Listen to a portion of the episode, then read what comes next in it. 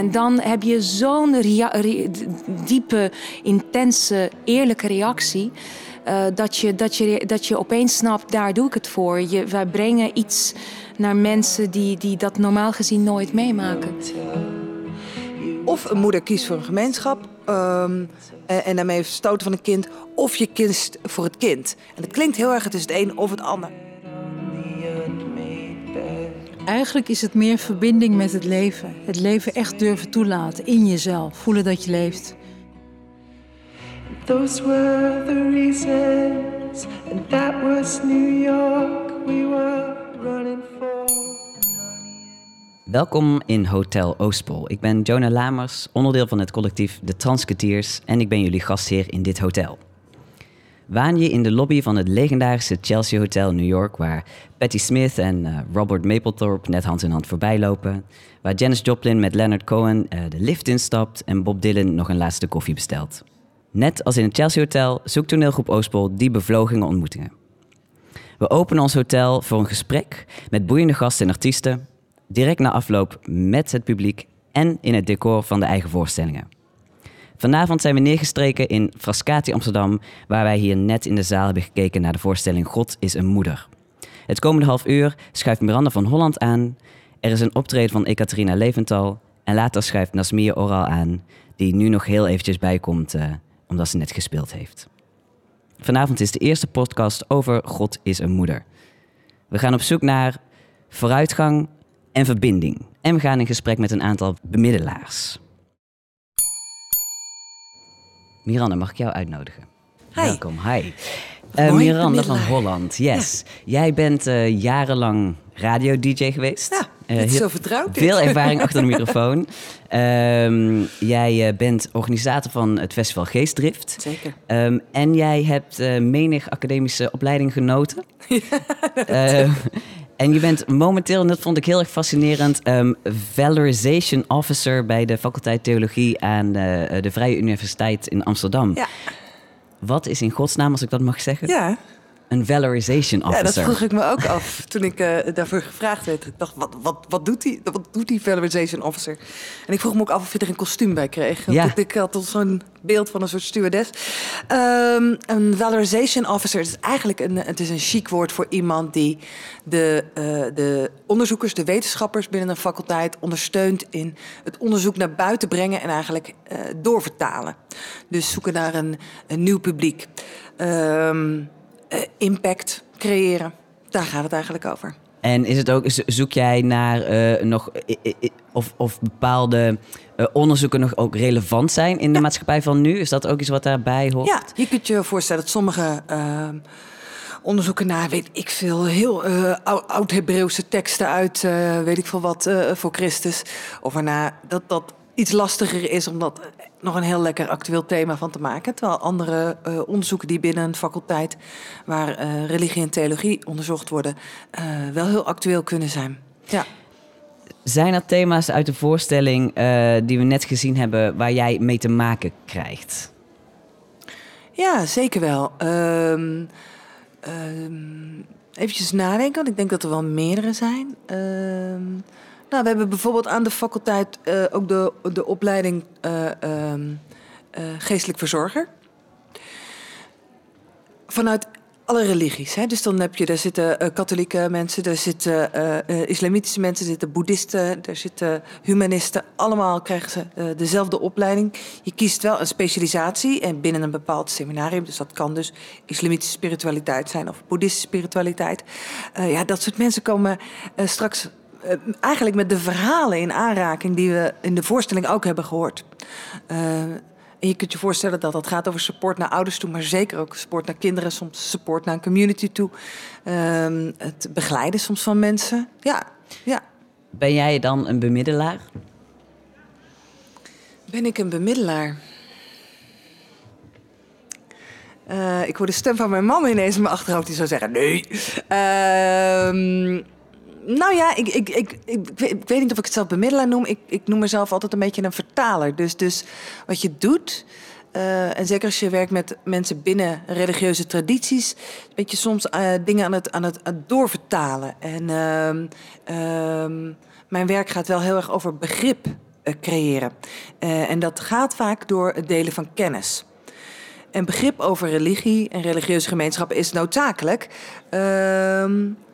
Ehm 85% van de wereldbevolking, niet in Nederland, maar de wereldbevolking, dat zijn er dus meer dan in Nederland, eh, is religieus. En niet een klein beetje. Um, wil je mensen begrijpen, moet je mensen dus ook kunnen verstaan. Wij geven bijvoorbeeld trainingen ook aan mensen die bij buitenlandse zaken werken. Ja, dat is wel belangrijk, dat ze uh, bepaalde verschillen uh, leren leren onderscheiden.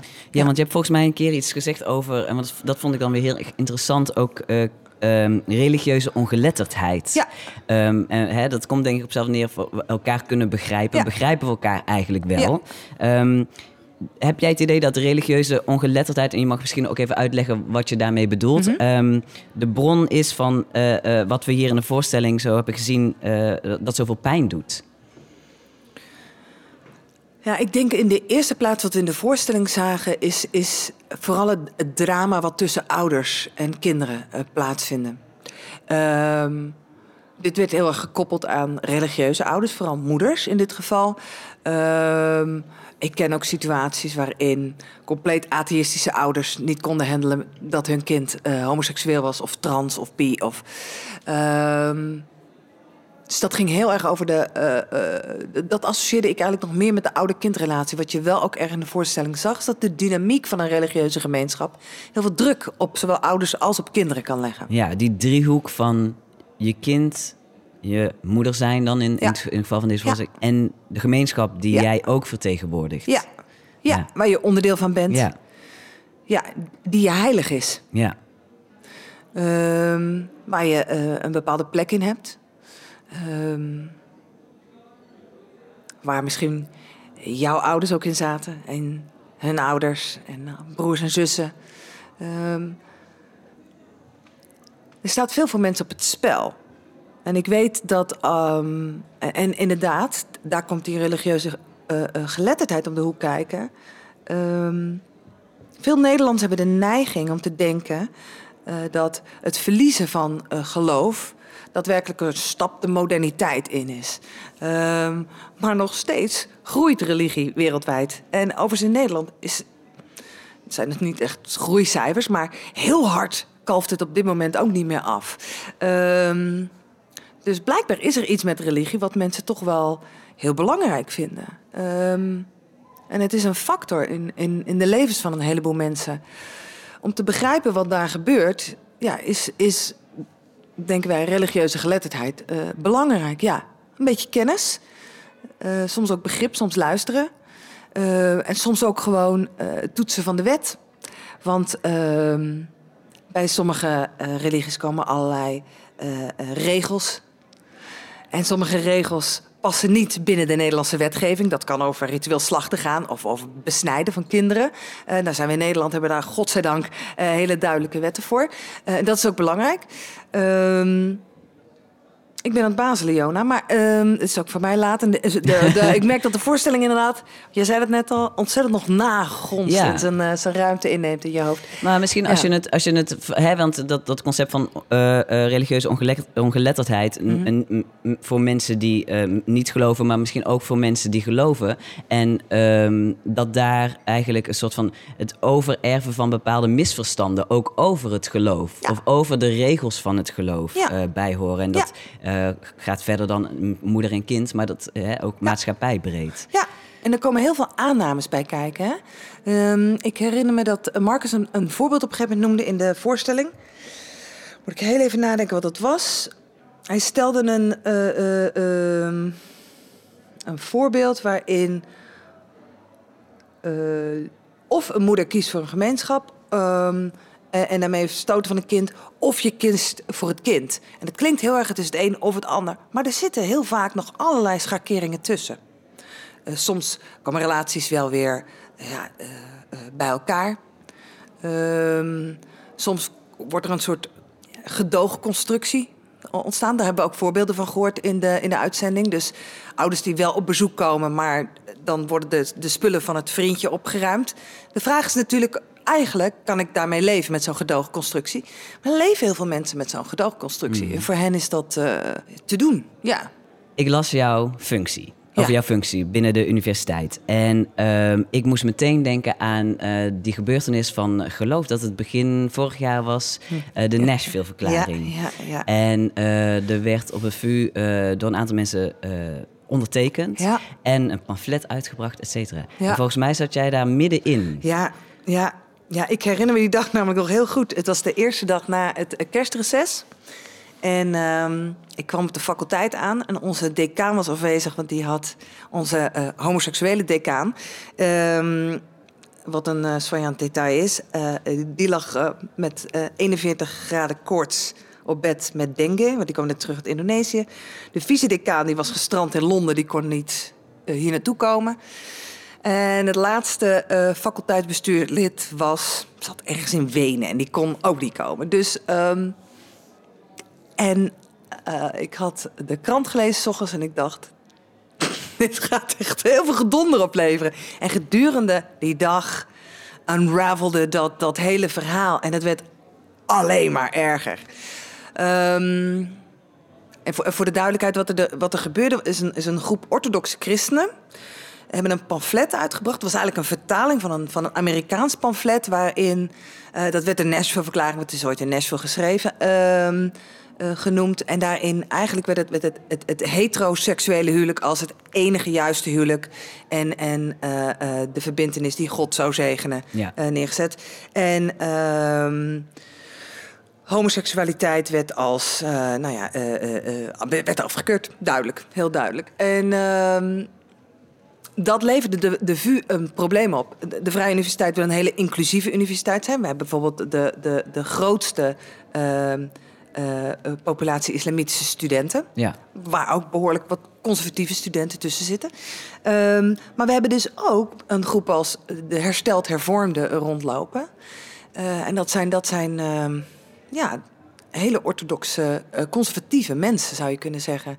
Zij werden eigenlijk in hun hok teruggefloten door de media. En iedereen vond iets van deze mensen. De- er zijn ook hele nare dingen over deze mensen gezegd. hè. En nogmaals, ook dit zijn mensen. Ehm, mensen die misschien wel hele uitgesproken ideeën hebben over homoseksualiteit of over vrouwen. Ik voelde mij als vrouw ook eh, nou, niet heel erg serieus genomen. Ehm, sterker nog, toevalligerwijs kom ik uit deze gemeenschap. Ik ben daarin opgegroeid. Ik ben daar eh, ook, godzijdank, geen onderdeel meer van. Ehm, wat wij toen gedaan hebben, is eigenlijk een dialoog gestart met deze groep. Om te vragen, eh, nou ja, wat bezielt je nou om dit te zeggen? Ehm, en wat wil je hier nou precies uithalen? En, en, en, en eh, eigenlijk in alle rust, zonder media, zonder hype, zonder wat dan ook, het gesprek met elkaar opzoeken. En dan kom je ongelooflijk veel onwetendheid ook tegen. Mensen die een pamflet ondertekenen en zeggen: Ja, ik ben, ik ben. Homoseksualiteit is gewoon niet zoals God het gepland heeft. Eh, homo's mogen niet trouwen. Ik teken dit pamflet. Oh ja, PS, ik heb eigenlijk nog nooit een homo ontmoet. Dat is toch eigenlijk heel raar, want je hebt er blijkbaar een hele duidelijke mening over. Mensen, ik denk trouwens dat ze een heleboel homo's hebben ontmoet. Maar die waarschijnlijk niet de vrijheid voelen om uit de kast te komen. Denk jij, afrondend helaas, Ja, denk jij dat ehm, de oplossing, of dat er een oplossing ligt in dialoog? ja, ja, ik denk dat het noodzakelijk is. Ik denk wel dat het echt heel moeilijk is. Ehm, maar ik geloof echt dat het de enige way forward is. Ja, ja. Want je kunt nu zeggen, we gaan een andere groep uitsluiten. Namelijk eh, conservatief gelovigen. Maar dan scheid je nog steeds de moeder van het kind. Dus wil je mensen bij elkaar houden, ja, dan, dan eh, ja, moeten we met elkaar in gesprek. Dat denk ik dat het noodzakelijk is, ja. ja. ja. Dus God zegene de greep. Met die eh, mooie woorden eh, eindigen wij je gesprek. Dankjewel. Dankjewel. Ik, Katrina Leventhal, welkom. Ehm, heb jij de voorstelling net gezien? Ja, Wat, ehm, was er een scène die jou aangreep? Meerdere scènes die mij aangrepen. Ehm, waar ik denk ik meest van geraakt ben, zijn de foto's die mij omringen, ons omringen hier.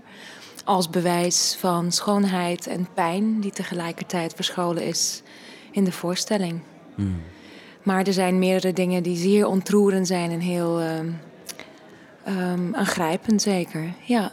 Waar er, eh, was er iets close to home? Heel veel. Ik ben heel erg blij altijd in voorstellingen als ik denk een ander te kunnen zien. Of een eerlijkheid in een ander te kunnen eh, treffen of, eh, of ontmoeten. En dat is wel heel fijn. Ik vond het heel fijn dat ik dacht dat de dingen echt waar waren. En dat ik eh, soms inzicht kreeg in intieme details van andermans leven. Dat is voor mij persoonlijk heel fijn om te merken. En dat was, eh, de, de voorstelling was daar vervuld van, dus dat is heel fijn. Mm. Eh, Jij bent eh mezzo-sopraan en Ja. harpist. En ehm, je maakt veel eigen werk ook met jouw partner. Ja, ook theatermaker. Ja. Ehm, en je hebt, en dit is een understatement, maar best een reis achter de rug. Ja, ik Eh, ben, ja. zou, zou je daar wat over willen vertellen? Zeker. Ik ben zelf ooit als vluchteling uit Tashkent gekomen. Dat is hoofdstad van Oezbekistan, voormalige eh, Republiek van Sovjet-Unie. Ik was eh, destijds eh, tussen 13 en 16. Toen ik 16 was, kwamen wij in Nederland aan. Lange weg achter de rug langs verschillende landen. Uiteindelijk asiel aangevraagd in Nederland en ook verkregen. Dat is heel lang geleden hoor. Maar eh, heel bewust meegemaakt. Ja, ja, ook in een ehm, lastige tijd lijkt me qua eigen persoonlijke ontwi- ontwikkeling. Zo Zeker, midden in de zeker. puberteit. mi- midden in de puberteit, Ja. ja. Ja. Geen, eh, geen, geen vastigheid eigenlijk. Nee, ja. Ik heb gelezen van je dat je eigenlijk al voordat je ehm, vluchtte... eh, de droom had om operazangeres te worden.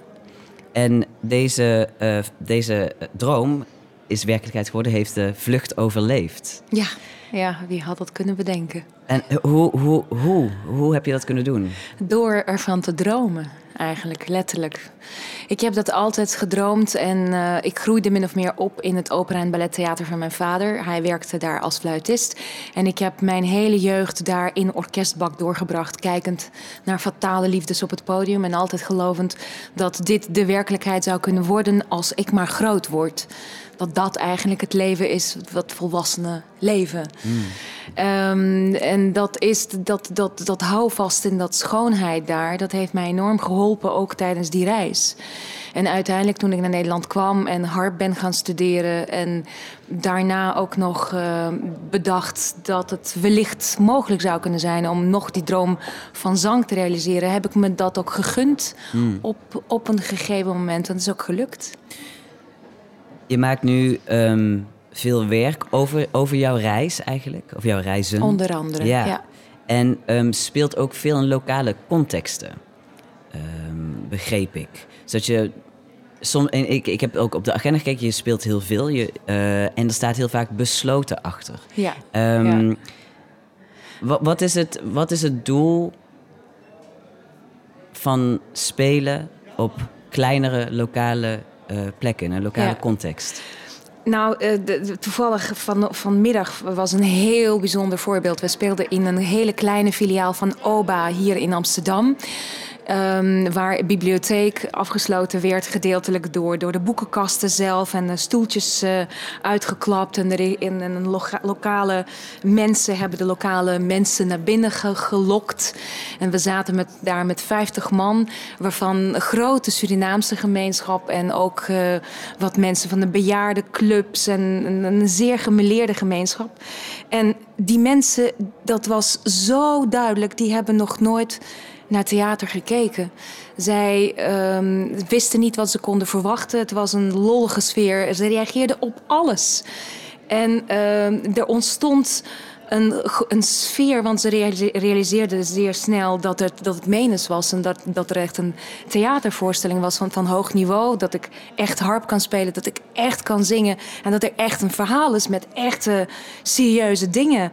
Ehm, over andere, een van de scènes van de dood van mijn vader, waar de doodse stilte ontstond in de zaal. Waar je voelde, iedereen hier snapt waar ik het over heb. En dan heb je zo'n diepe intense, eerlijke reactie. eh, dat, je, dat, je, dat je opeens snapt, daar doe ik het voor. Je, wij brengen iets naar mensen die, die dat normaal gezien nooit meemaken.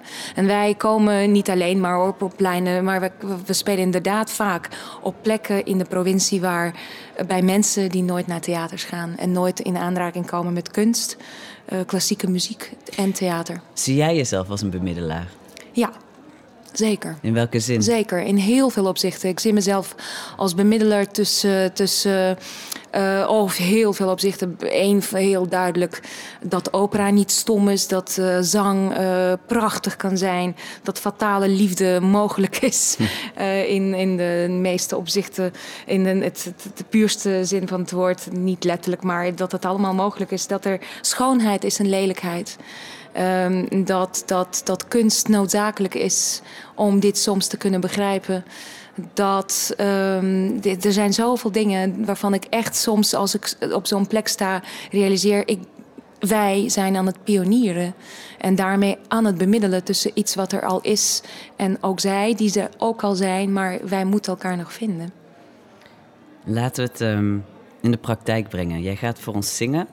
Wil je vertellen wat je gaat zingen? Of? Ik ga a cappella een, zingen, een lied zingen van Shostakovich over een moeder die haar kind wiegt. Zij zegt tegen hem: Slaap maar, lu lu in het Russisch. Bayu bayushki bayu. Dat is een, een, niks betekenend woord. Um, jouw vader is geketend in Siberië. Je zult hem waarschijnlijk nooit meer zien. Jij mag vannacht lekker slapen. En als je later groter wordt, dan zul jij begrijpen wat voor pijn in mijn hart verscholen ligt.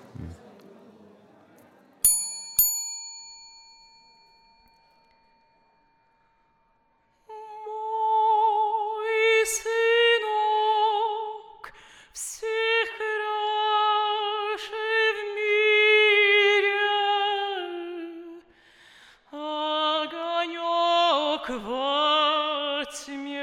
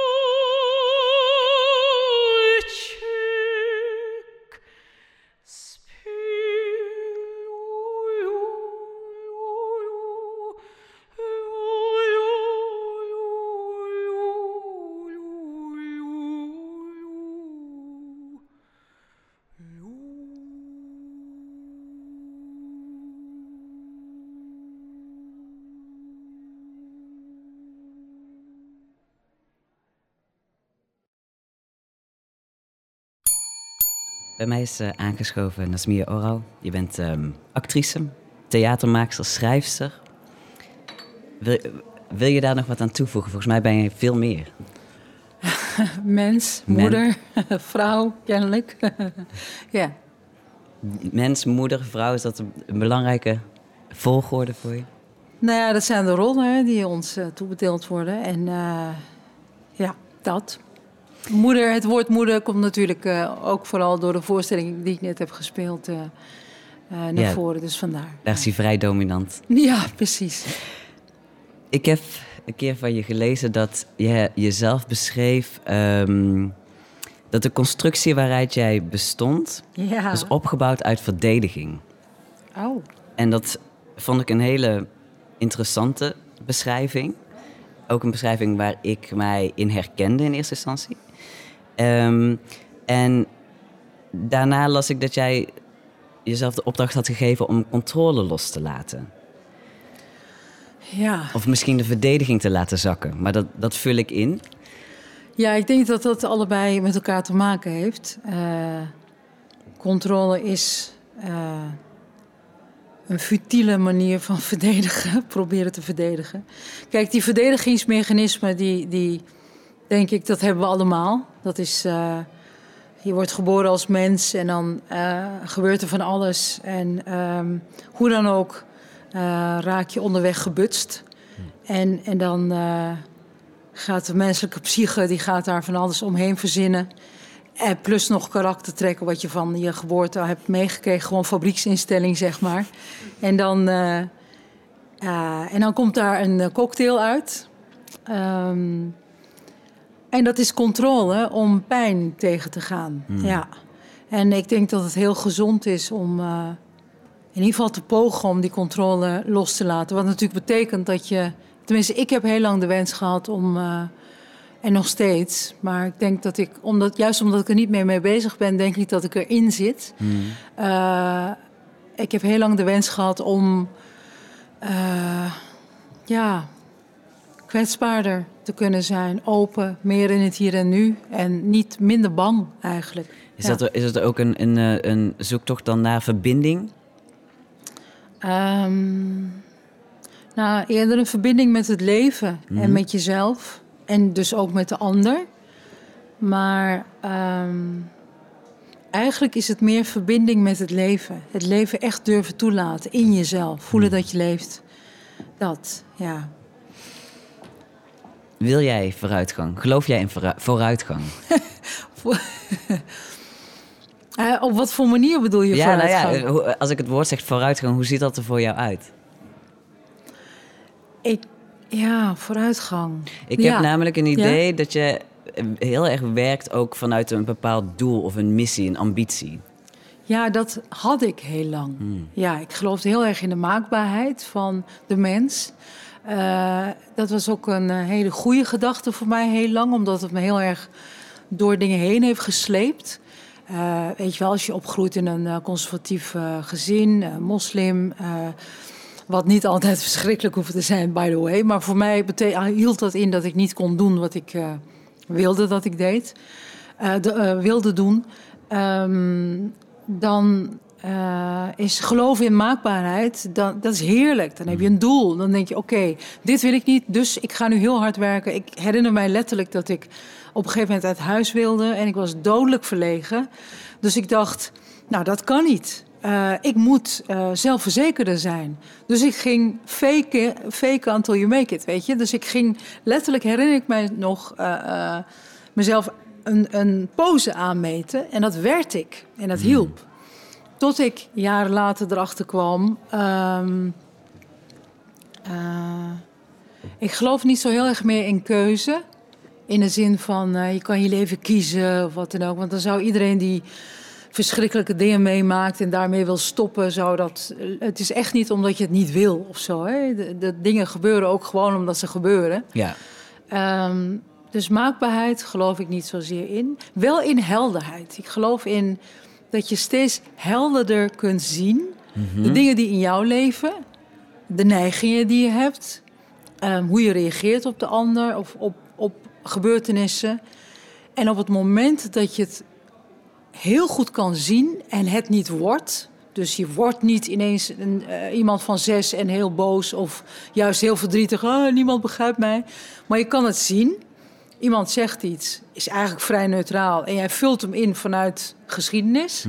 Als je al die mechanismen kan zien, dan is er vooruitgang in de zin eh, dat je eh, iets meer keuze hebt in hoe je dan reageert. Dan Hoe je daarmee omgaat. Ja, dan kan je denken, ah nee joh, dat is... eh, we zijn in het hier en nu en er is niks aan de hand. En ja, En hoe, hoe verkrijg je die helderheid? Als je zegt van... Pijn. Oh, mm, Pijn is heel goed. pijn is de beste leermeester. Ehm, nou, ik zeg pijn is heel goed. Maar helaas eh, werkt het bij ons mensen zo dat, eh, dat we denk ik pas geneigd zijn tot verandering als we te veel pijn eh, hebben. mhm. En als de angst voor verandering minder is dan en de pijn waarin je blijft groter, dan, dan, ga je, dan komt er beweging. Ehm, dus ja. Dus ik hoor je zeggen dat je wat afgestapt bent van het klassieke idee van de maakbaarheid. Iedereen is maakbaar, de mens is maakbaar. ja. Ehm, maar ben jij een bemiddelaar? Een bemiddelaar. Ja. Oh. Want ik denk, als, bij, als je een bemiddelaar bent, hoe ik je in de voorstelling bijvoorbeeld zie, zie ik daar wel een bemiddelingsrol. Ja? Tussen, ja, tussen ehm, je achtergrond, je moeder in dit geval, eh, de wereld waar je dochters in opgroeien. Jij staat daartussen. Jij begrijpt iets van allebei Ja. en zoekt naar verbinding daar. ja. Ehm, nou, maar ja je, ja, je moet dan ergens ook wel een beetje in maakbaarheid geloven, denk ik. nou, ik geloof erin dat, ehm, dat wij allemaal eh, heel veel weten. Meer nog dan we denken. En ik denk dat wij allemaal een ingebouwde bullshit meter hebben. Een ingebouwde kompas. En dat als je iets hoort of ziet eh, en je herkent het omdat je het kent, terwijl je het nog niet eens wist, dan gaat er iets in je af. Zo van, hé, hey, dit klinkt als waar voor mij. Daar geloof ik in. Dus, het, dus een bemiddelaar vind ik eerder iemand die dan concessies doet of dingen bij elkaar wil brengen. Ik denk eerder, omdat ik inderdaad die beide kanten zo goed ken en dus snap, ehm, wil ik eerder een soort het dichterbij brengen van, van dat wat anders is. Want als ik het dichterbij breng, ik doe dat vanuit de overtuiging, maar jij, herken, jij kent dit. I know, je kent dit. En dat is ook meestal het geval. Dus, dus in die zin, ja. Ik vind het een hele geruststellende gedachte. Voor mij is die echt waar. eh, dat, we, dat er in ons allemaal dus... ehm, het hele universum, alles zit in ons. Ja, Wij zijn kan- daaruit opgebouwd. Ja, maar ook eh, je kan iets meer slaapwandelend door het leven gaan. Of soms ga je, neem je zijweggetjes. Maar je, ehm, ja, als je een goed boek leest of... eh, het, is, het is zelfs ook bij kunst bijvoorbeeld. Ik herinner mij dat ik eh, vrij jong was, een jaar of 16 of zo. En ik stond voor een schilderij van Vincent van Gogh. En daar had ik normaal nooit iets mee. Maar toen ik het schilderij in het echt zag, met dikke kloddes verf...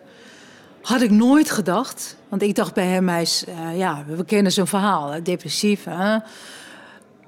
Toen werd ik alsof ik door een soort bliksemschicht werd eh, geraakt. Ik herkende iets en het raakte mij. En ik had, voelde me verbonden met hem. Want ik dacht, nu zie ik je. Ik herkende hem, ja, dus daar geloof ik in. Ja. Een eh, vast item in Hotel Oostpol is eh, de questionnaire. En eh, het is vrij naar de befaamde ehm, eh, vragenlijst van de Franse auteur Marcel Proust. En ehm, we hebben het voor deze podcast wat aangepast. Ehm, maar ik zou hem heel graag met je afnemen als je dat wil. Ja, we beginnen met de vraag van de vorige gast, dat was Veronique Efomie. En die vroeg. Ik, ik, ik hou me trouwens hier volledig buiten. Dit zijn de vragen die er staan en eh, jouw antwoorden. Ehm, waar ga je heen als je morgen doodgaat? ah, naar de bron. Naar het absolute. Mijn belangrijkste karaktertrek. Sorry, ik moet even terug. Ga terug, ga terug. Ja, Eh, het absolute, maar, maar dan wel in de zin, uh, er gaat nooit iets weg en er komt nooit iets bij. Het is, je kan er niet in en er ook niet uit. Dat is. Uh... Het is. Ja, ja. Je belangrijkste karaktertrek?